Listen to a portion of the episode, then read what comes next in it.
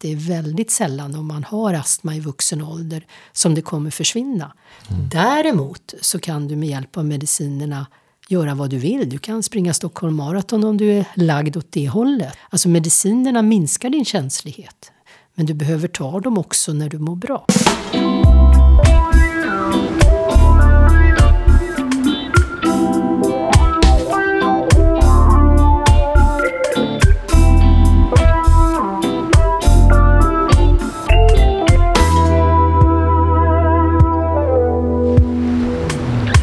Hej och välkomna till Vårdfrågan, en podd om eh, bättre vård från Praktikertjänst. Vi eh, reser runt ute i landet och träffar läkare och tandläkare och andra eh, personer som är experter på någonting inom vården.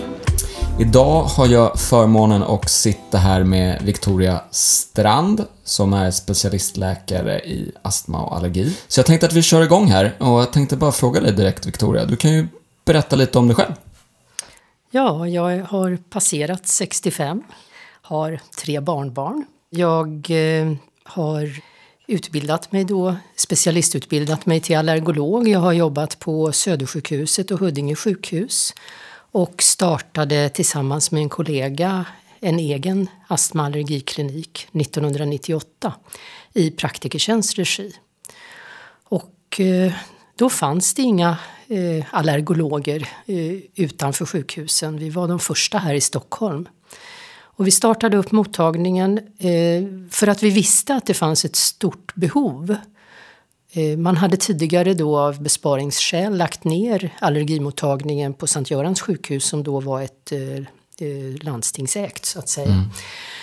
Och vad vi gjorde bara några år senare var att vi startade upp den igen. Och vi var då två läkare och två sköterskor och en sekreterare och vi har nu blivit lite större. Vi har tre läkare och fler sköterskor och så vidare. Och eh, vi är väl idag den största astmaallergikliniken i Stockholm. Mm. Allergolog, ett väldigt svårt ord tycker jag.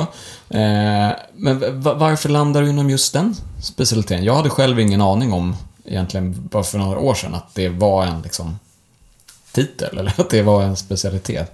Nej, det är inte så lätt att förstå vad det är man jobbar med då. då. Men, men eh, jo, jag landade i det därför att eh, eh, jag började som lungmedicinare och skulle utbilda mig till det. Och sedan skulle jag göra ett år allergologi för att eh, det, det ligger ju nära varandra vad det gäller astman. Mm. Och då tyckte jag att allergologi var så intressant så att jag blev kvar där. Och varför tyckte jag det? Ja, eh, för det första så tycker jag att allergologi är inte organbundet. Det är inte så att du håller på med bara ögon eller hjärta eller mage. Eh, utan du jobbar med flera olika organ det är mångt och mycket en systemsjukdom. Lite grann som reumatologi kan man jämföra det med.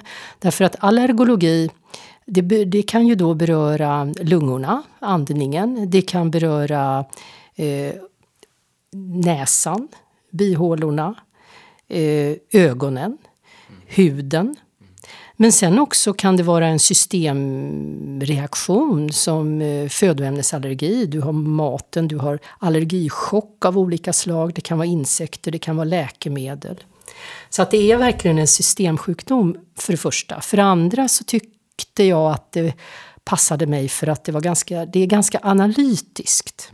Det är mycket detektivarbete därför att det många gånger är samverkanfaktorer. Det är inte så enkelt utan du måste tänka till. Du måste ta en ordentlig anamnes. Du måste förstå samband mellan olika saker. Och för det tredje så innehåller det också ett stort mått utav eh, eh pedagogik. Du måste också förmedla det du får fram i din utredning mm. och hjälpa patienten att förstå sin sjukdom. Det gäller ju alla sjukdomar, det är ju inte specifikt för allergologin.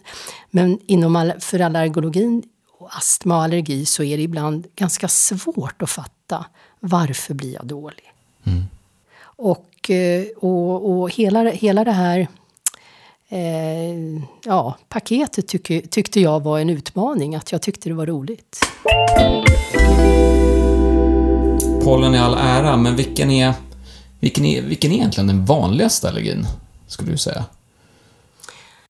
Ja, jag skulle nog säga att eh, det beror lite på ålder. Eh, hos små barn, eller eh, ja, hos barn så är födoämnesallergier ganska vanliga.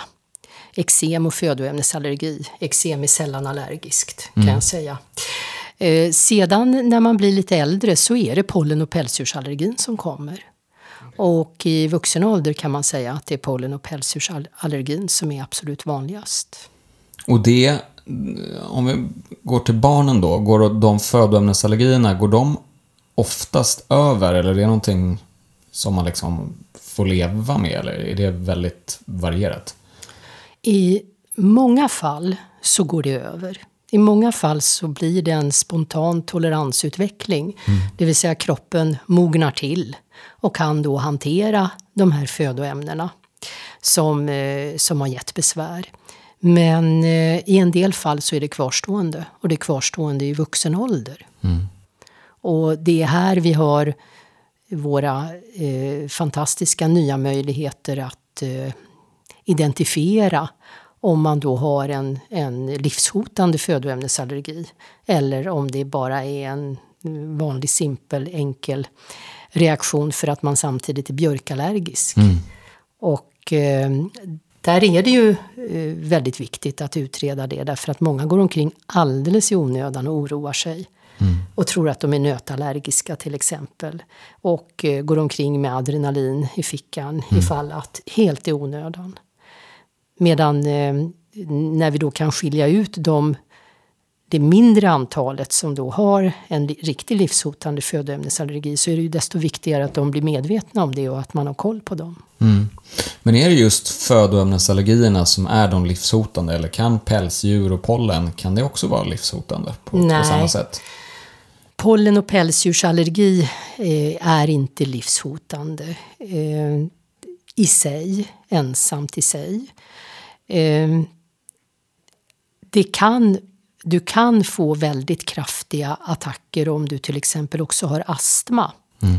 För att det gäller också, och vi kan prata om det lite senare, om sambandet mellan allergi och astma.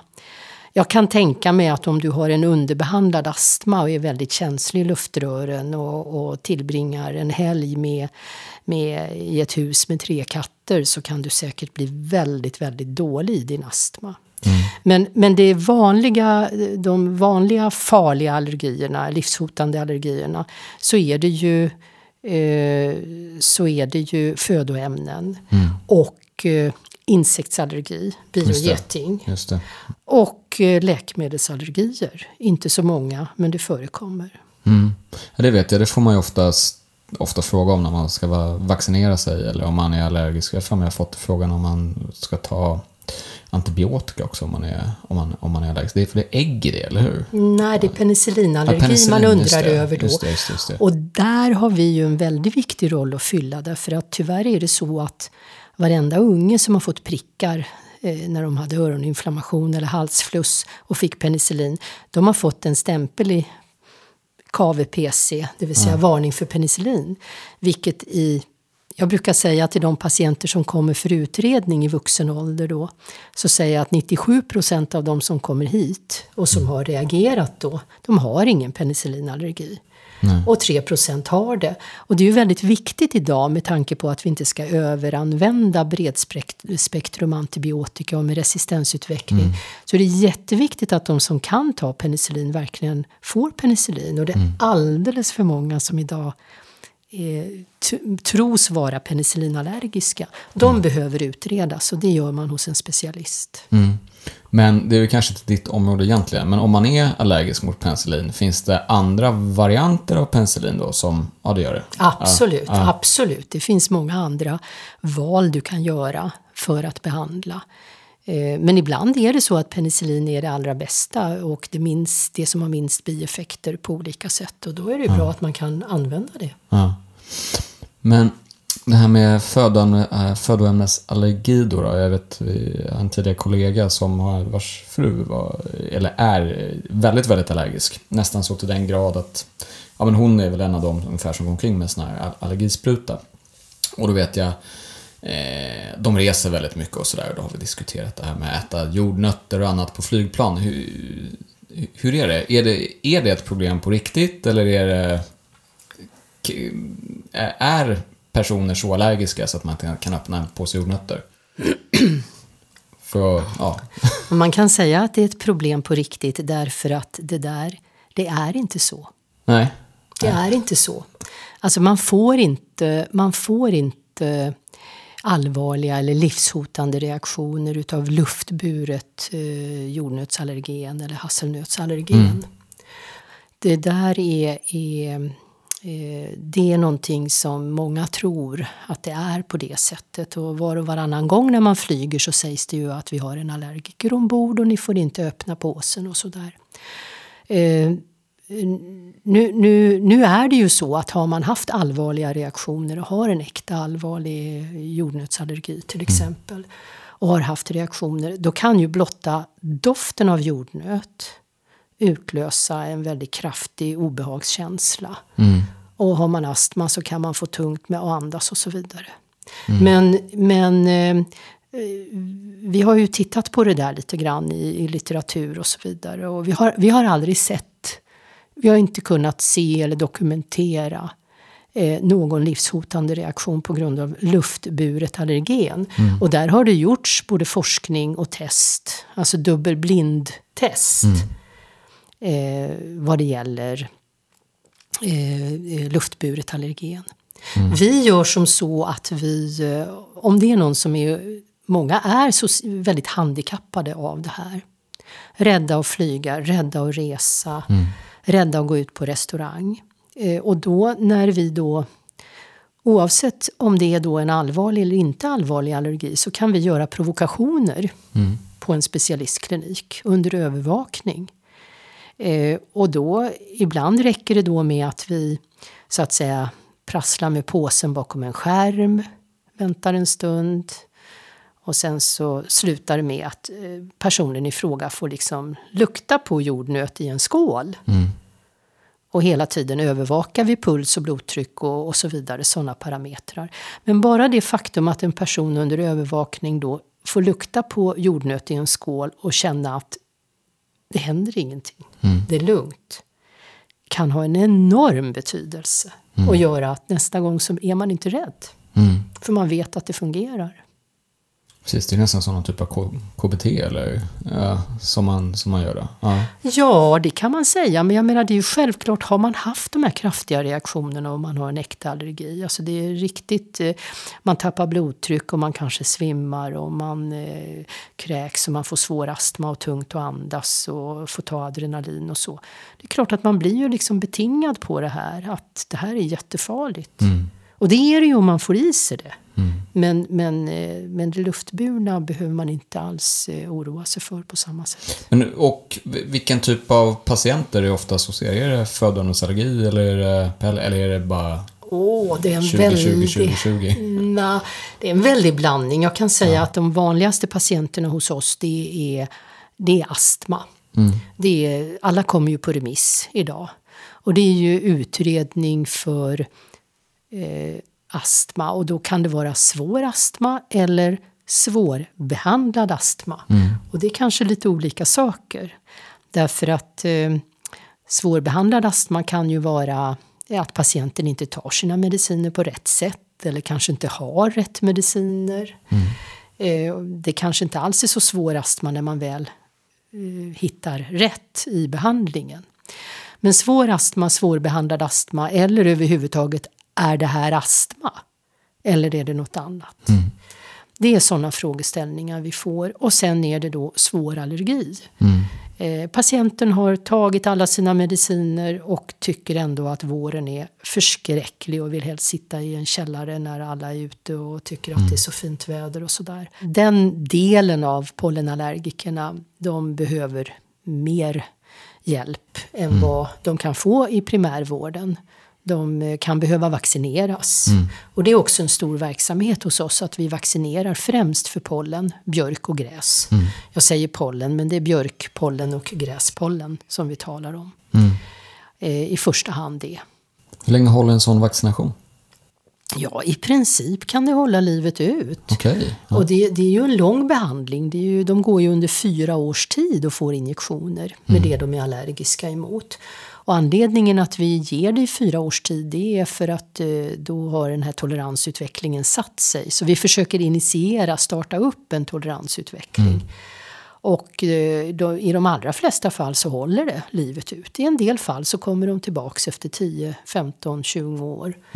Men eh, i de flesta fall så håller det. Mm. Ja, för mig var det relativt nyligen, eller 5-10 år sedan jag fick reda på att man kunde vaccinera sig mot. Men det är ingenting som gemene man kan göra hur som helst. Det måste till utredningar. Man kan inte gå till liksom, vilken vaccinationsmottagning som helst och hej, jag vill ha gräsvaccin. Liksom. Nej, absolut inte. Det är bara på specialistkliniker man ger behandlingen och man ger det under fyra års tid Ja. återkommande var sjätte vecka. Och eh, jag kan säga så här att av våra pollenallergiker så är det kanske 10% som har så pass svår pollenallergi att det kan vara motiverat med eh, vaccination. Ja. Så det är de som tar alla mediciner hela säsongen precis som man ska och ändå får ta kortisonkurer och ändå mår dåligt. De har stor nytta av vaccination. Där är det 90-95% som blir mycket, mycket bättre. Det är inte så att allergin försvinner, det är viktigt att betona. Eh, Men man blir mindre allergisk och klarar sig bättre på sina mediciner. Och, eh, och i viss mån så ser man också att det blir en minskad risk för att utveckla astma. Mm. För hur yttrar sig då, om vi tar, bara tar då pollen och päls kanske, eller kanske ännu mer pollen, att eh, du säger att man mår generellt dåligt. Är det som en enda lång och djup förkylning plus trötthet, eller är det massor med andra? Vilka symptom tänker man sig liksom? Ja, alltså det, det är väl riktigt beskrivet som du säger att det är, näsan är täppt eller rinner, ögonen kliar och svullnar alldeles förskräckligt hela tiden och det är svårt att låta bli att klia. Eh, man är väldigt, väldigt trött och man presterar mycket sämre under pollensäsongen än i vanliga fall. Och det har man sett vad det gäller studenter och elever att de eh, tentorna och skrivningar och så vidare.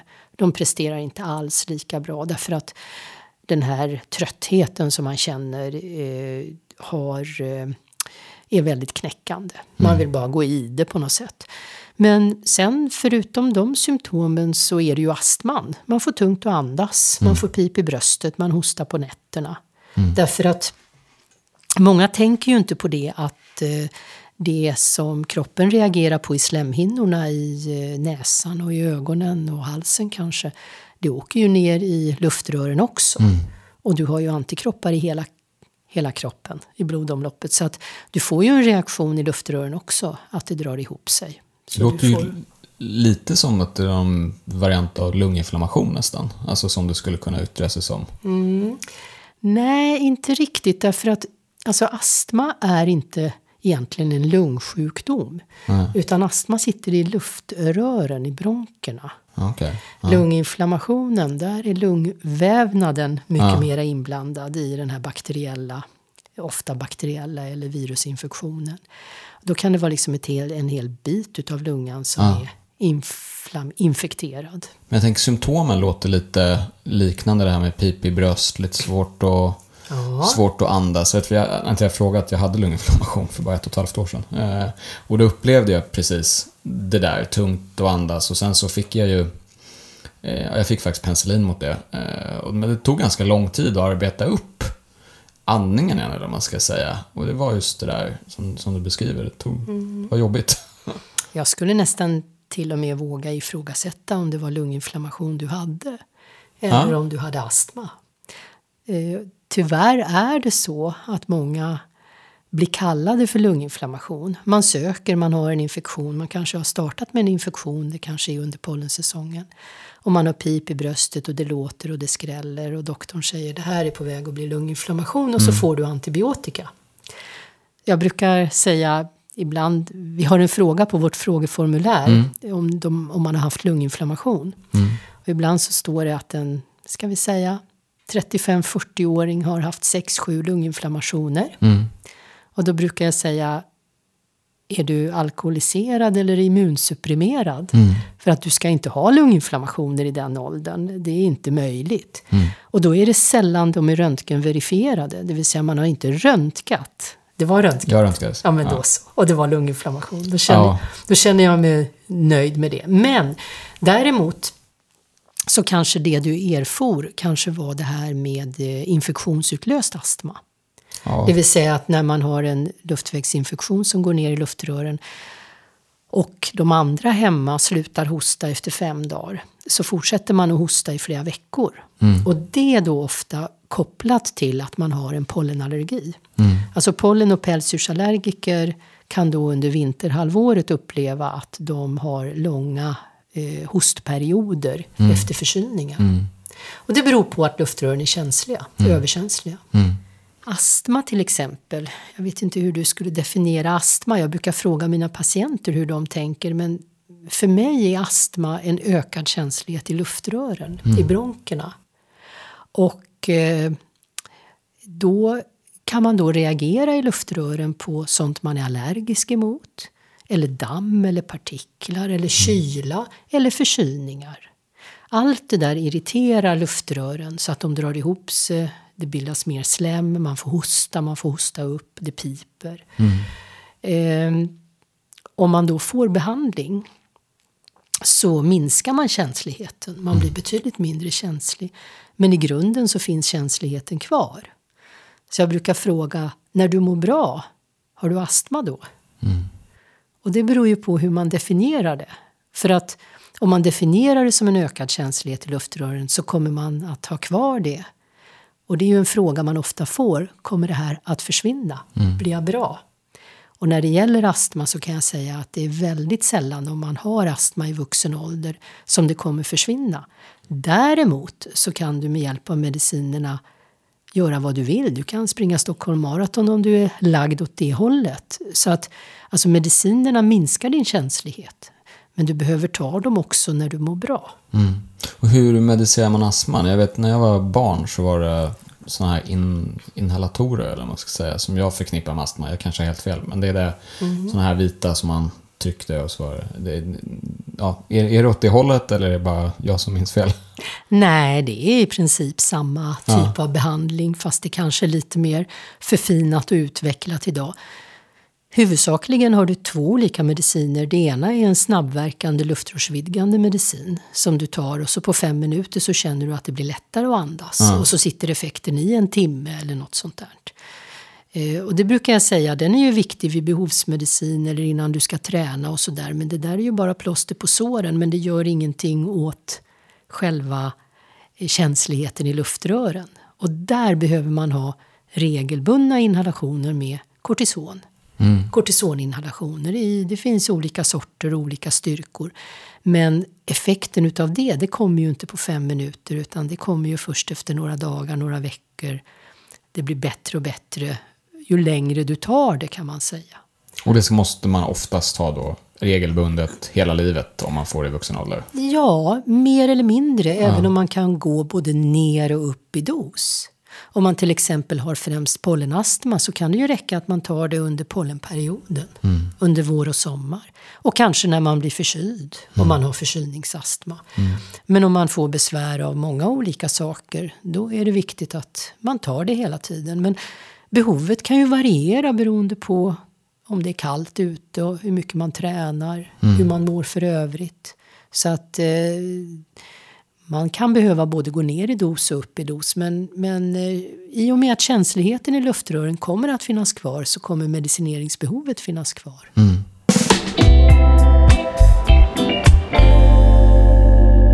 Skillnaden mellan astma och allergi är förmodligen ganska stor, men om vi bara ska... Om du bara kan berätta det. Alltså allergi, allergi betyder egentligen bara att du har antikroppar mot någonting. Ja, är det att man är överkänslig mot något då? Nej, det är inte samma sak. Nej, nej, det är inte samma sak. Nej. Utan när du är allergisk mot någonting, då har du bildat antikroppar mot någonting. Mm. Och egentligen så ska vi då bilda antikroppar mot, eh, mot eh, bakterier Mm. och virus och parasiter. Men inte mot hundar och katter och björkar. Nej. Det är en fel reaktion hos kroppen att bilda antikroppar. Men vi gör det. Vi gör det. Vi bildar antikroppar. Och det kallar vi för allergi. Det är allergi, att du har antikroppar mot någonting. Om du är överkänslig mot någonting, då kan det vara så att du har en, en, en känslig slemhinna i ögonen eller i näsan. Och när det blir väldigt dammigt eller när det blir väldigt rökigt eh, när det är olika kemiska ämnen, parfymer och sådär, så reagerar du. Du blir irriterad, näsan svullnar igen eller du nyser. Det är överkänslighet. Det kan vara samma mekanismer inblandade, samma celler i slemhinnan som är inblandade. Men det är inte samma bakgrund. För att kallas för allergi så ska du ha bildat antikroppar mot någonting och vi ska kunna mäta det i blodet. Eller i pricktest i huden. Och astma. Om vi jämför, om vi, och det är, du var inne på det tidigare, överkänsliga luftrör. Ja, Ungefär. astma, astma betyder att dina luftrör, dina bronker helt enkelt, att eh, eh, det är ju så här att längst in i luftrören hela vägen så finns det en slemhinna som är till för att transportera upp allt skräp vi andas ner. Om den här slemhinnan i, i bronkerna är, är känsligare än vad den ska vara för olika saker. Och det kan vara torr luft, kall luft, det kan vara partiklar, det kan vara damm. Eller det kan vara sånt du är allergisk emot, som du har antikroppar emot. Den slemhinnan kommer då att försvara luftrören genom att när den kommer i kontakt med det här så svullnar det upp. Tyvärr är det så att när det svullnar upp så blir det svårare att andas. så du upplever det ju som att hjälp, jag är dålig, jag kan inte andas. Slemhinnan reagerar bara som en slemhinna kan reagera genom att svullna upp och genom att producera slem. Vad får du då? Då får du hosta. Och slem som täpper igen och du kan inte andas och det piper. Det är astma. Så astma är en ökad känslighet i slemhinnan och när slemhinnan kommer i kontakt med någonting som den är känslig för då drar det ihop sig och det svullnar upp. Och det kan då vara för att du är allergisk mot något. Att du sitter tillsammans med tre katter fast du är kattallergisk. Men det kan också vara på grund utav att det är eh, luftföroreningar eller det är mycket partiklar. Eller du är ute och springer i kall luft utan att ha värmt upp ordentligt. Så drar luftrören ihop sig för att skydda sig så att säga. Det du upplever då det är ansträngningsastma. Som lekman så låter det som att man kan ganska lätt blanda ihop de här två olika astma, allergi, allergi och, och astma för vad det kan, vad det egentligen är. Ja. Men allergi, du kan aldrig säga så här, om, om du kommer till mig och säger att du är allergisk, då kommer jag fråga, var då någonstans? Ja, Därför att, var, var har du dina symptom? ja, Är det att det kliar i ögonen? Är det att näsan täpper igen? Är det att luftrören stänger till? Är det att det är någonting med huden eller magen? Så att allergi, det kan yttra sig i många olika delar av kroppen. Astma, det sitter ju alltid i luftrören i lungorna. Va? Och det kan vara antingen allergisk eller icke-allergisk. ja precis. Nu, nu hänger jag med. Det var ungefär så som, jag, så som jag föreställde mig också. Det är väl bara då att man kan, ja precis. Om man har någon typ av allergi som man som patient då tycker att man känner att symptomen är i luftrören, att man då kan vara både allergisk och ha astma, eller bara rena. Då har man allergisk astma. Allergisk astma, ja. Knäckfrågan är ju då, va- varför har vi blivit mer allergiska? Är det att vi blir bättre på att diagnostisera det här? Eller har vi faktiskt blivit mer allergiska? Eh, Vi har blivit mer allergiska. Dels är det en jättestor skillnad jämfört med för hundra år sedan. Då hösnuva var eh, en väldigt ovanlig sjukdom. Man kan säga att de senaste 30-40 åren så har både allergierna ökat, alltså allergi i ögon och näsa och så vidare. Men också astma har ökat. Så idag är det 8-10 procent av befolkningen, den vuxna befolkningen som har astma. Det är mycket det. Även om naturligtvis de flesta har lindrigare former. Eh, varför har det ökat? Det finns ju, kanske inte bevisat, men det finns väldigt starkt stöd för någonting som kallas för hygienhypotesen. Eh, och det baserar sig på att man har sett att eh, astma och allergi ökar i den rika delen av världen, den industrialiserade delen av världen där välståndet eh, är högre. Och inte fullt lika vanligt i fattiga länder. Man har visat exempelvis, sånt som stöder detta eh, eh visades till exempel i en studie där man jämförde där man tittade på var i syskonskaran man befann sig och hur trångbodd man var. Mm. Och då visade det sig att i ett, ett, en barnakull så var det störst risk att den äldsta var allergisk och minst risk att den yngsta var allergisk och hade astma. Och samma sak att ju mer trångbodd man var desto mindre risk för att utveckla allergi och astma. Och det stödjer ju i viss mån den här hygienhypotesen att vi, vårt immunsystem när vi föds behöver switcha in åt rätt håll. Det vill säga mot virus och bakterier och parasiter som det är gjort för. Men om vi inte utsätts för virus och bakterier och parasiter så switchar det in åt andra håll. Och eh, då börjar vi utveckla antikroppar mot sånt som vi egentligen inte som inte är farligt. Mm. Som vi inte behöver ha antikroppar emot. Och eh, det här är ju, det här tror man att det kan stämma, att det är på det sättet. Jag menar, i, i, vi, har, vi kommer hem med den lilla bebisen och lägger den i ett eget rum och om mormor hostar så får hon inte komma. Mm. Och så vidare och så vidare. Och, och det har ju sina positiva sidor, brukar jag säga. För att det blir lätt att man bara säger A och inte B. Och, och hamnar i att ja, men det var ju jättebra med alla virus och bakterier och tuberkulosen och sådär. Men det var det ju inte. Därför att, därför att vi ser ju fortfarande idag i länder där de är väldigt massivt exponerade för virus och bakterier, att barnen ibland dör i dessa infektioner. Mm. Så det kanske är så att priset vi betalar i form av mer astma och allergi är att vi har en väldigt låg spädbarnsdödlighet och, och mm. inte har de svåra infektioner som man faktiskt har, luftvägsinfektioner som man har i andra länder. Mm. Men det är en hypotes som, eh, som många jobbar vidare på. Mm. Så det tips är inte att man ska tvätta sig mindre och egentligen utsätta sig för ännu mer virus och bakterier, eller hur, hur ska man tänka? Jag tror man ska tänka i ett land som Sverige där vi har en bra barnavård och mödravård och allting så är det nog inte så farligt att vara utsatt för virus och bakterier. Det är ju mera farligt i de här länderna där de inte har en sjukvård som kan ta hand om de sjuka barnen. Mm. Så är det ju. Men eh, alltså, vi kanske inte ska vara så rädda för virus och bakterier mm. och små barn som, eh, som man har varit tidigare. Mm. Mm. Men jag tänkte också en annan fråga här om olika eh, allergier då. Det har inte alls med, med barn att göra, men någonting som ändå är lite ifrågasatt. Vi pratade lite om forskning där. Så är det ju det här med olika typer av allergier. Och då tänker jag på en som jag läste lite på här innan. Det är ju någonting som kallas för elallergi eller elöverkänslighet. Eh, jag läste rätt mycket om det här innan vi skulle träffas. Och eh, det verkar inte riktigt finnas någon bra slutsats om det där existerar eller inte. Jag tänkte bara, det är kanske en svår fråga att diskutera. Men hur, hur ser sjukvården på liksom elallergi?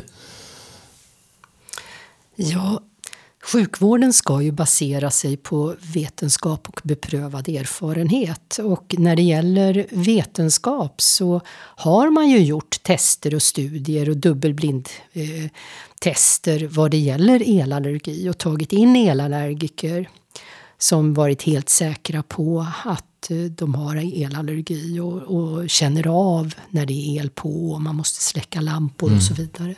Och det har visat sig att de... Nej, det mm. visar ingenting. De vet inte alls när elen är på eller elen inte är på. Mm. Utan det, det, det man, man, eh, man har inte kunnat påvisa att det existerar någon elallergi. Och har man jobbat med allergologi länge så tänker man också osökt tillbaka på kanske 20-30 år sedan. Då var det ju väldigt mycket med till exempel amalgam. Just det. Mm. Och då var det amalgamet som gav det ena och det andra. Och det, ja, det finns en, eh, det finns en, en, en tendens när eh, att man vill hitta någon form av yttre faktor. Någon farlig yttre faktor som finns runt om en mm. som en sorts eh, förklaring för att man kanske in, verkligen inte mår bra. Mm. Att man känner mycket av stress och att man eh, man, man, man har svårt kanske att hantera att man skulle behöva lägga om sitt liv och sin livsstil och så vidare. Och då mm. är det väldigt lätt att eh, hitta någon, någon yttre faktor som man kan säga att man har blivit sjuk utav. Mm. Och, eh, så att för min del så, så eh, har jag nog aldrig sett någon elallergiker. Nej. Mm. Och det är inte särskilt vanligt längre. Det är också intressant att de här trenderna, de, liksom, de, de blommar upp och sen så lägger det sig. Det var länge sedan jag hade någon remiss på någon för utredning av elallergi eller mm. någon patient som sa att de reagerar på det sättet. Så det är några enstaka. Mm. Vi ska ju inte glömma bort att vi har ju en väldigt stark så kallad placeboeffekt. Det vill säga att hjärnans roll jag, jag, jag har nog inte alltid förstått hur stor roll hjärnan spelar mm. när det gäller hur man mår. Och många tänker att placeboeffekten bara är något som sitter i huvudet. Alltså att det är en sorts föreställning eller inbildning. Mm. Men idag har man ju visat att placeboeffekten, om du tror på någonting, så kan det liksom, du kan mäta det mm. i kroppen. Om du tror att du får behandling för någonting fast du inte får det, så, så kommer hjärnan påverka kroppen i en sån riktning så att du verkligen kan mäta att patienten blir bättre. Men det är inte så konstigt därför att det är ju faktiskt hjärnan som styr hela rubbet. Va? Mm. Allt sammans. Så att eh, jag tror, eh, jag läste en bok just om placeboeffekten som, som ibland används väldigt, väldigt aktivt. Mm. Eh, och, och där man just har uppmätt eh, till exempel hur mycket smärta man känner om man tror att man har fått ett smärtstillande kontra inte och så mm. vidare och så vidare. Hur trött man är. Hur, och det är inte bara inbildning utan det är faktiskt så att kroppen producerar ämnen som lindrar smärtan och man tror att man lindrar smärtan. Mm. Det är otroligt fascinerande. Och vi borde ju använda den här affekten mycket, mycket mer än vad vi gör. Därför att det som, det är det som alla så kallade alternativmedicinare använder. Mm. Allt som, som görs vad det gäller, eh, mycket av det som görs vad det gäller eh, olika typer av eh, icke-medicinska behandlingar. Det. det är att det finns en människa som lyssnar, en människa som bekräftar och en människa som ger dig tro och mm. säger ja men jag känner precis vad det här är. Det här sitter i din lever. Så att om jag masserar dig här under mm. din fot så kommer du må mycket bättre. Och det har jag gjort på väldigt många människor. Mm. Och bara hoppet och tron gör att du kommer må bättre. Mm. Och vi borde använda det mera. Och sälja in vetenskapligt belagda behandlingar. Mm.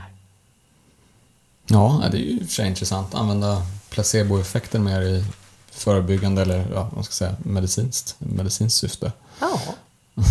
Men finns det andra sådana där, jag vill absolut inte kalla elallergi för en myt, eh, för det tror jag inte att det är, men finns det andra allergier som är lite ja, som det har varit mycket snack om, men som kanske kan vara något annat, liksom, egentligen? Nej, alltså, eh, jag har alltid funderat över hur det kommer sig att en del patienter som jag upplever har en väldigt svår astma, nedsatt lungfunktion och riktigt svår astma, kan hantera den så himla bra mm. och leva normalt och inte verka ta någon eh, låta sitt liv begränsas. Mm. Medan andra som inte alls har så svår astma eller allergi mm. hamnar liksom som i en liten bur mm. på grund utav sin sjukdom. Och det där är mycket intressant psykologiskt, att det handlar så oerhört mycket om eh, hur du hanterar din sjukdom. Mm. Hur, du, hur du använder det, eh, hur du, vad du använder din sjukdom till, mm. så att säga.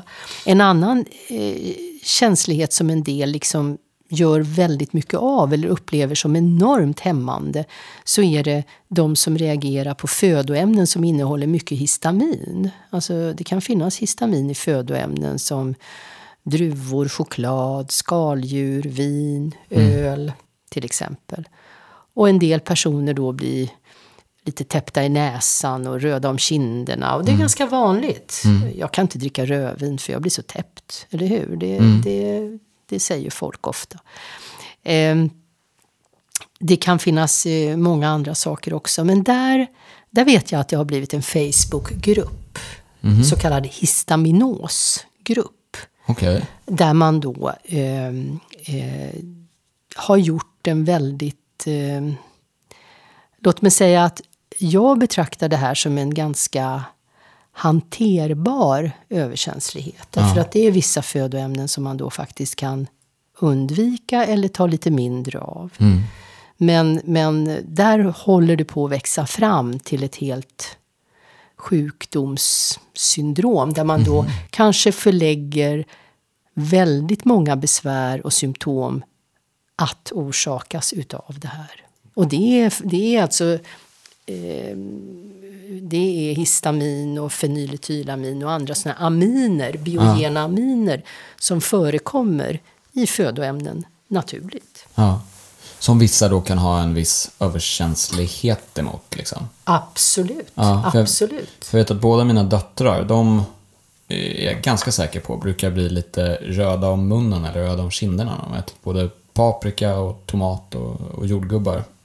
Jag vet inte om det är någon, någon typ av utslag på någonting, men det är, de har varit, båda är så har varit så ganska länge. Och det är också, konstigt nog så är det inte alltid, det är bara ibland. Men det är, det är ganska tydligt att när de, framförallt paprika ska man säga, så mm, blir de mm. lite, lite röda liksom. Mm.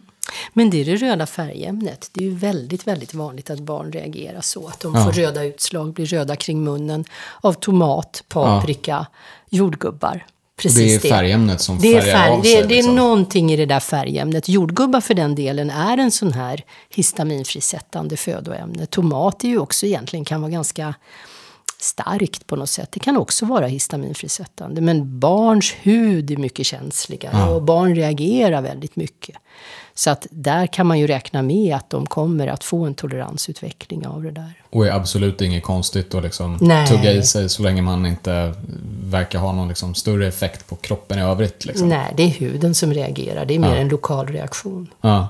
Ja, det var ju för sig intressant att veta. För jag tror att vi har till och med sagt till både dagis och skolan att våra döttrar, jag ska inte säga vi har sagt överkänsliga, men någonting i alla fall åt det hållet. Så det var ju väldigt bra att jag fick, fick det utrett eh, här, att jag inte ska oro, oroa mig för, för det. Ja, och så var det där om pollenallergi. Eh, jag har ju själv åkt på det för två år sedan. Eh, jag hade en långdragen förkylning som visade sig vara pollenallergi, eller jag är ganska säker på det i alla fall, för medicin, medicinen har hjälpt.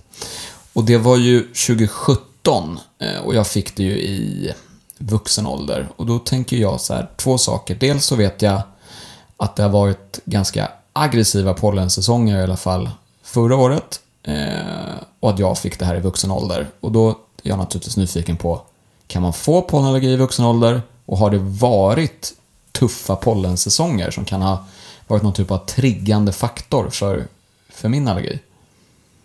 Eh, det har det definitivt varit. Jag kan säga att om vi går tillbaks 30-40 år i tiden så brukade vi ha en riktigt tuff björkpollenperiod var tionde år. Till exempel 93 var ett sånt år när många blev björkallergiker eller fick björkastma. Eh, de senaste sex åren så har vi sett tre riktigt, riktigt svåra björkpollensäsonger. Eh, mm. Och det leder naturligtvis till, till dels att vi får nya björkallergiker. Men vi får också många eh, björkallergiker som har haft en ganska lindrig, som har haft det ganska lindrigt i många år, som har utvecklat tolerans i viss mån de sätter igång igen. Så att det kommer många patienter till oss nu därför att de upplever att de senaste åren har de mycket, blivit mycket, mycket sämre i sin pollenallergi och fått pollenastma också. Mm. Så att om det här nu är ett resultat av klimatförändringar då kommer vi få ännu mer besvär med, eh, med astma och allergi. Mm. Så den där som, hur ser det ut i år då? Jag tänker förra året var en väldigt varm sommar och sådär. Har ni sett någonting om det har påverkat 2019s säsong så här långt? Att det är fler eller som drabbas i år? Har ni märkt något av det? Det vi har märkt är att det är många, många fler som har reagerat på al och hassel. Det vill säga okay. tidigt på säsongen, slutet av februari när vi hade en mild vecka i Stockholm. Eh, sen i mars också när det var milt. Eh, de reagerade kraftigt. Eh, och sen har vi haft höga halter med björk i år också. Mm. Och ännu högre i Västra Götaland. Mm. Eh, har, har, och i Skåne har varit höga halter. Mm. Problemet med björken är också att vi har en fjärrtransport. Så att det, det, björken färdas långa vägar och finns det mycket björk i Skåne och Västra Götaland eller i norra Europa så, och det är sydliga vindar så får vi hit dem. Jaha, okej, okay. så det spelar inte så, behöver inte spela så stor roll om det är dåligt med björk i just Stockholm. Det kan skjutsas in Absolut. från andra delar av världen. Ja, och det ser man ju på Naturhistoriska riksmuseets ja. pollenfälla. Att plötsligt så har man fällan full med björkpollen fast det inte har börjat blomma i Stockholm ännu. Mm. Så där brukar jag ju rekommendera att man eh, har lite koll på pollenläget och inte bara titta på naturen utan att det kan som sagt vara fjärrtransport. Ja. Och sen så kommer det att blomma två veckor senare upp i Umeå, björkarnas stad. Mm. Och har vi då nordliga vindar, ja. då får vi ner pollen hit till Stockholm igen. Så att eh, det, det, det är inte alltid så som det ser ut runt omkring en, utan det kan finnas i luften. Samtidigt är väl också nyckeln för att liksom hantera pollensäsongen är väl också att ta medicinen regelbundet eh, och inte liksom ta när det är extra mycket. Eller det kanske man ska medicinera extra mycket då. Jag vet inte, hur, hur gör man? Det som är väldigt viktigt och som många gör fel på det är att man inte tar den regelbundet och det ska mm. man göra. Och då ska man använda ett icke-tröttande allergitablett som finns numera de senaste åren. Så de är inte tröttande, de gamla var väldigt tröttande. Mm. Och kombinerade med kortison i näsan. Mm. Så att det är inte antingen eller utan det är både och som gäller. Och de har olika verkningsmekanismer men båda är väldigt viktiga att ta. Tar man dem regelbundet varje dag, kanske öka på när det är mycket pollen till att ta fler tabletter, så klarar sig många väldigt bra. Mm. Och sen då bara eh, sista frågan just pollenallergi här eh, är ju det här vuxen ålder. Det, det kan utlösas Även om man är 35, 40, 45. Man behöver inte vara i ungdom för att få pollenallergi väl? Absolut. Nej, nej. Det kan, man kan, få det, man kan få det i vuxen ålder, absolut. Ja. Och har man kanske en historia av att man i barndomen har haft lite böjväxteksem eller lite förkylningsastma som sen har gått över så är det ju inte alls ovanligt att benägenheten finns kvar så att mm. man kan då få eh, bli pollenallergisk senare i livet. Mm. Eller pälsdjursallergisk. Mm.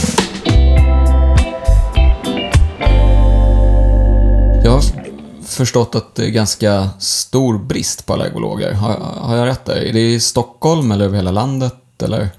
Det är brist i hela landet, men eh, särskilt i Stockholm. Eh, jag kan säga att i Europasnittet vad det gäller allergologer det är 2,5 allergologer på 100 000 invånare. Och vi är i Stockholm 0,5 allergologer på 100 000. Så vi är alldeles, alldeles för få. Vi har haft väldigt stora pensionsavgångar, mm, som många andra specialiteter. Men eh, vi har inte haft något större tillskott i form av nya eh, läkare inom området. Och det beror väldigt mycket på att det inte har utlysts några ST-tjänster i allergologi mm. på 10-15 år. Och då står vi idag i en mycket, mycket besvärlig situation. Mm. Men varför har det inte utlysts några ST-tjänster tror du?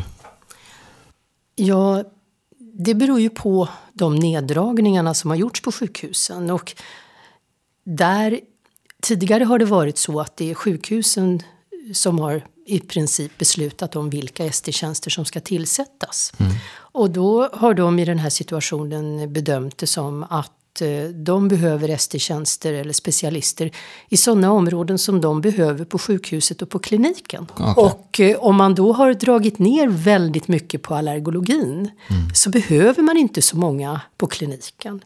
Så att på samma tid som man tillsätter till exempel en ST-läkare i allergologi så har man tillsatt åtta ST-läkare i lungmedicin. För lungmedicin behöver man på kliniken men man behöver inte allergologer. Vad det här pekar mot är ju att det måste finnas en annan styrning uppifrån av specialistutbildningen av läkare. Man kan inte överlåta detta till sjukhusen utan idag eh, så måste det finnas ett övergripande ansvar så att vi ska kunna få en jämlik vård. För många av våra patienter de är ju ute i öppenvården, de är, finns inte på sjukhusen. Men, och det är ju en folksjukdom vi talar om, eh, astma och allergi. Verkligen folksjukdomar.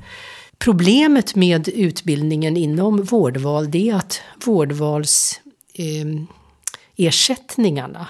de innehåller inte på något sätt eh, medel för utbildning eller forskning för den delen. Utan hela den här FoU-medlen, forsknings och utbildningsdelen, eh, pengarna, de ligger på sjukhusen. Eh, så att ersättningen i vårdval den är ganska så, eh, så, vad ska jag säga, magert i vissa fall. Eh, baserad på sjukvårdsproduktion. Och eh, varje sjukvårdsproduktion som inte blir av på grund av att du lär upp eller handleder eller instruerar i någon annan så kommer du att förlora pengar. Och man har inte hittat ännu någon bra lösning på det här. Men det är i allra högsta grad aktuellt. Så det det blir då är egentligen, om man pratar lite industriska, ett produktionsbortfall. Om man då handleder eller forskar eller sånt. För att det inte tillhör liksom uppdrag. Man, man får inte betalt för det helt enkelt. Nej, precis. Man får ingenting betalt för det överhuvudtaget utan man ska liksom bara göra det. Och det, det fungerar inte idag som vårdvalet är upplagt. Det spelar ingen roll att det står i regelboken att man ska ta emot SD men man kan inte ta emot SD för man har kanske inte råd att skaffa ett rum till, en sköterska till och så vidare. För att mycket av vården är ju väldigt slimmad. Men jag tror att det är alldeles nödvändigt att hitta lösningar på det där. För att eh, om vi till exempel tar eh, öron, näsa, hals på Karolinska sjukhuset så kan de idag inte utbilda en öron, näsa, halsläkare hos sig. Det går inte. De har fått nedslag eh, att eh, ni har inte de patienter som läkaren måste se. De patienterna är ute i vårdval.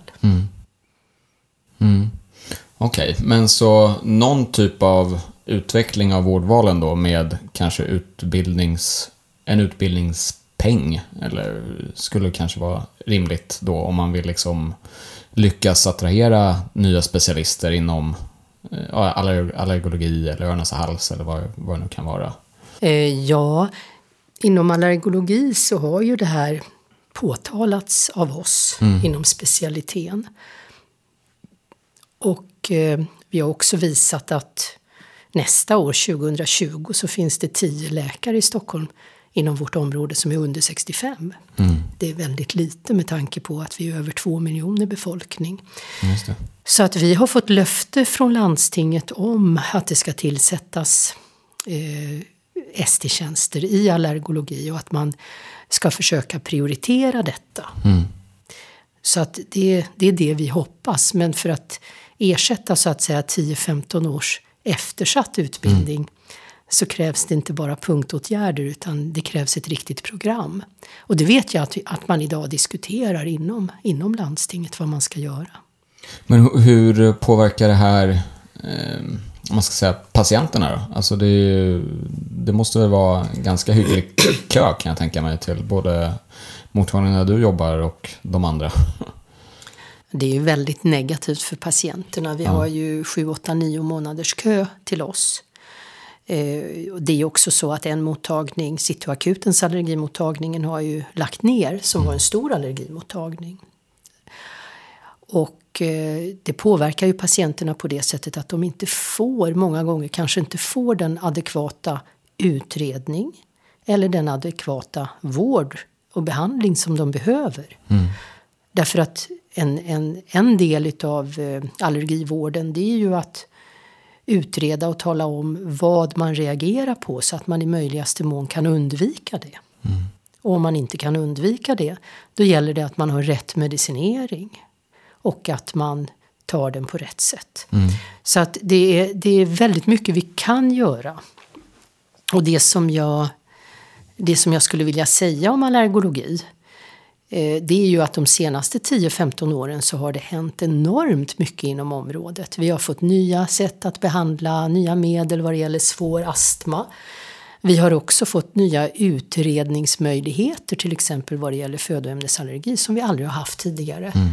Och som hjälper oss att skilja ut de som har väldigt, väldigt eh, svår, livshotande födoämnesallergi. En liten minoritet från en stor majoritet som inte alls har någon farlig födoämnesallergi. Mm. Men som går omkring och tror det.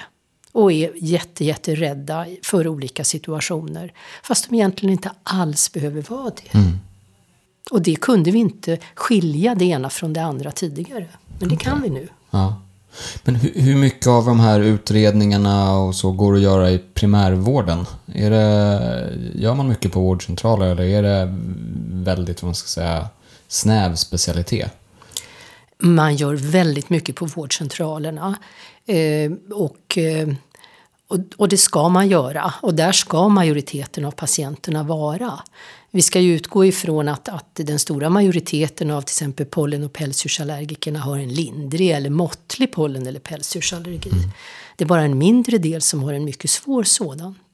Även om i och med att det är bortåt en 25-30 procent som har pollen eller pälsdjursallergi så att om jag säger att 15 procent av de här 25 procenten har en svår allergi så blir det ganska många människor. Mm. Eftersom det är, ja, på 500 000 så blir det kanske 50 000 som har svåra besvär i Stockholm. Eh, men, eh, och det är ju klart att majoriteten ska tas om hand och utredas på vårdcentralerna. Problemet när det finns få allergispecialister det är att många primärvårdsläkare kan för lite om allergologi. De har liksom inte haft möjlighet att passera en allergiklinik under sin utbildning eller varit placerade på en allergiklinik under sin specialistutbildning så att de har lärt sig det här området som är så stort. Mm. Och där skiljer vi oss mycket från, jag är ju vuxen allergolog, jag tar emot från 18 års ålder. Där skiljer vi oss från barnallergologerna för att barnläkare kommer automatiskt i kontakt med astma och allergi väldigt, väldigt mycket. Så de lär sig eh, att, att hantera det här. Mm. Så där har vi tack och lov en bättre situation för allergikerna. Men när de blir 18 då, då, är, det, då är det problematiskt. Okay, så de flesta barnläkare är ganska mycket specialister på allergi också? Vi har ju dels de som är definitivt specialiserade på det, men i princip om man är barnläkare, då har man haft med en del säger att om man sitter på en barnmottagning så är ungefär 50-60 procent handlar om allergi och astma. Jaha, oj. Mm. Okej, okay. det hade jag inte en aning om. Att det var, mm. okay. ja. Mm. Jag vet att vi har ju, inom Praktikertjänst finns det ju flera mottagningar som har efterfrågat någonting liknande och att det är många som har gjort satsningar på utbildning inom den vad ska man säga, sjukvårdspeng som finns, att man då har finansierat det på egen hand. Men det är väl flera som har bedömt att det inte är riktigt långsiktigt hållbart att ha det på det sättet. Att det måste, som du var inne på, måste till ett, någon typ av helhetsgrepp eh, om det. Jag menar med, med vad är det, är nästan det är 39 eller 40 vårdval så är det inte omöjligt att det, att det behövs. Mm. Mm. Eh, det är ju så också att det finns en sorts minsta kritiska massa. Och som jag nämnde för dig så är det ju, vi är ju en handfull allergologer idag och i vårdval så har det ju krympt ner nu mm. till att det egentligen bara är fem läkare kvar i vårdval varav tre inte har skrivit på det här avtalet. Just det. Så att eh, eh när det, det, kanske var 9, 10, 11 för ett eller två år sedan. Mm. Och det här leder ju då till att det är inte så lätt för en mottagning med bara en specialist att ta hand om en ST-läkare. Mm. Så att vad jag menar är att ska man utbilda, oavsett om det är nya ST-läkare eller om det är primärvården som ska utbildas, så måste det ju finnas allergologer. för att är, är vi för få, även på sjukhusen är det så att det eh, finns en eller två läkare det finns liksom inte tre eller fyra Mm. eller fem som i en grupp tillsammans kan säga nu utbildar vi ST. Mm. Så det är ett problem. Ja, äh, det blir intressant att eh, se hur det här kommer tacklas de- de kommande åren. Jag har en eh, sista fråga som lite går tillbaka till det vi pratade om i början av det här avsnittet. Det är ju det hur du ser på liksom specialiteten. Och framförallt om det finns någonting som, som du skulle vilja göra. Jag har eh, tänkt att om eh, socialminister Helena Hallengren hade en kollega som var astma och allergiminister och det var du. Vad, hur, skulle man liksom, hur skulle du vilja förändra eh, astma och allergivården i, i Sverige då? Är det någonting som behöver göras? Det jag skulle göra eh, är att jag skulle tillsätta ett nytt nationellt allergiprogram. Vi hade ett nationellt allergiprogram på 90-talet som var väldigt omfattande. Ett nationellt allergiprogram. Eh, och eh, jag skulle tillsätta ett nytt nationellt allergiprogram med syfte att, att på olika sätt inom olika områden sprida kunskap, den kunskap som finns om allergi och astma. Dels eh, till befolkningen, eh, till befolkningen, till kommunerna, till skolorna, till, till samhället, till civilsamhället. Att förstå mer och lära sig mer om allergi. Eh, och detta i syfte att göra färre allergiska. Det vill säga just genom att förklara vad är riktig allergi och vad är inte allergi. Så behöver inte så många gå omkring och vara rädda och tro att de är allergiska. Eh, och, och sen nummer två är ju att se till att eh, kunskapen finns i primärvården. Att kunskapen finns i primärvården, att alla vårdcentraler, alla läkare och sjuksköterskor ska kunna det här med allergi eftersom det är folksjukdomar. Och kunna hantera majoriteten av patienterna. Men för att genomföra det här så behöver man ha en, man behöver ha allergispecialister som leder det här arbetet. Och eh, vars kunskap och den forskning som idag finns eh, utnyttjas på ett effektivt sätt. Och jag tror att det här skulle kunna leda till en mer jämlik allergisjukvård. Därför att det finns stora områden i Sverige där det överhuvudtaget inte finns en allergolog. Nej, Stora delar av. Norrland Ja. till exempel fin, finns ingen allergolog. Vilket innebär att du har inte en chans att få en allergivaccination utförd i de delarna av, av landet. Ehm, I Finland har man genomfört ett sånt här allergiprogram. Mm. Under tio års tid när man hade väldigt hög målsättning eh, på olika områden vad det gäller just eh, utbildning av både befolkningen och av vården Mm. inom allergiområdet. Därför att man såg att det började bli ett väldigt stort problem. Mm. Det skulle jag göra. Mm. För det pratas ju eh, mycket om andra folksjukdomar. Det pratas mycket om fetma, det pratas mycket om, eh, eller ännu mer om psykisk ohälsa och stressrelaterad ohälsa. Nu är du partisk, men pratas det för lite om astma och allergi? Jag tror att man underskattar bördan av astma och allergi. Att man, att man tror att allergi, det är lite hösnuva. Det är ingen fara. Och för de som har en ordentlig hösnuva, de tycker att det är alldeles förskräckligt. Och det återkommer år efter år efter år efter år. Det leder till produktionsbortfall, mindre prestationer. Och eh, vad det gäller astman så handlar det ju på samma sätt om att det inskränker väldigt mycket på människors liv. Jag tror att man underskattar eh, tyngden av astma och allergi. Mm. Det alltså. Någon typ av vårdtyngd, hur det faktiskt påverkar människor i, Ja, i vardagen. vårdtyngden och hur det, hur det påverkar vårt samhälle. Mm. Hur det påverkar människor i samhälle och eh, eh, inklusive då det som man tycker är viktigt då, produktionen. Förutom allt det här mänskliga lidandet som det innebär att gå omkring och kanske tro att man har en svår allergi fast man inte har det. Mm. Eller att gå omkring, som många tyvärr gör, med en underbehandlad astma. Mm.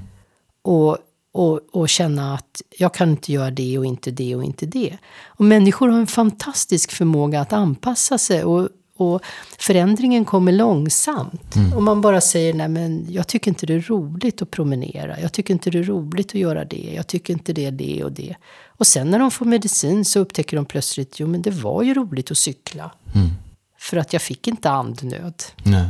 Eller många som inte ser fram emot våren. Ja visst, som inte ser fram emot våren eller sommaren heller för den delen. För de som har både björk och gräs, de har ju både hela våren och sommaren. Då. Ja.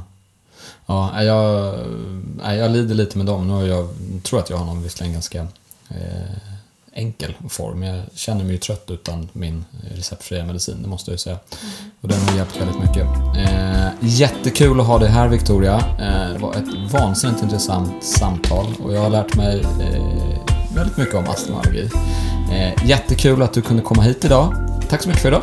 Tack, roligt att vara här.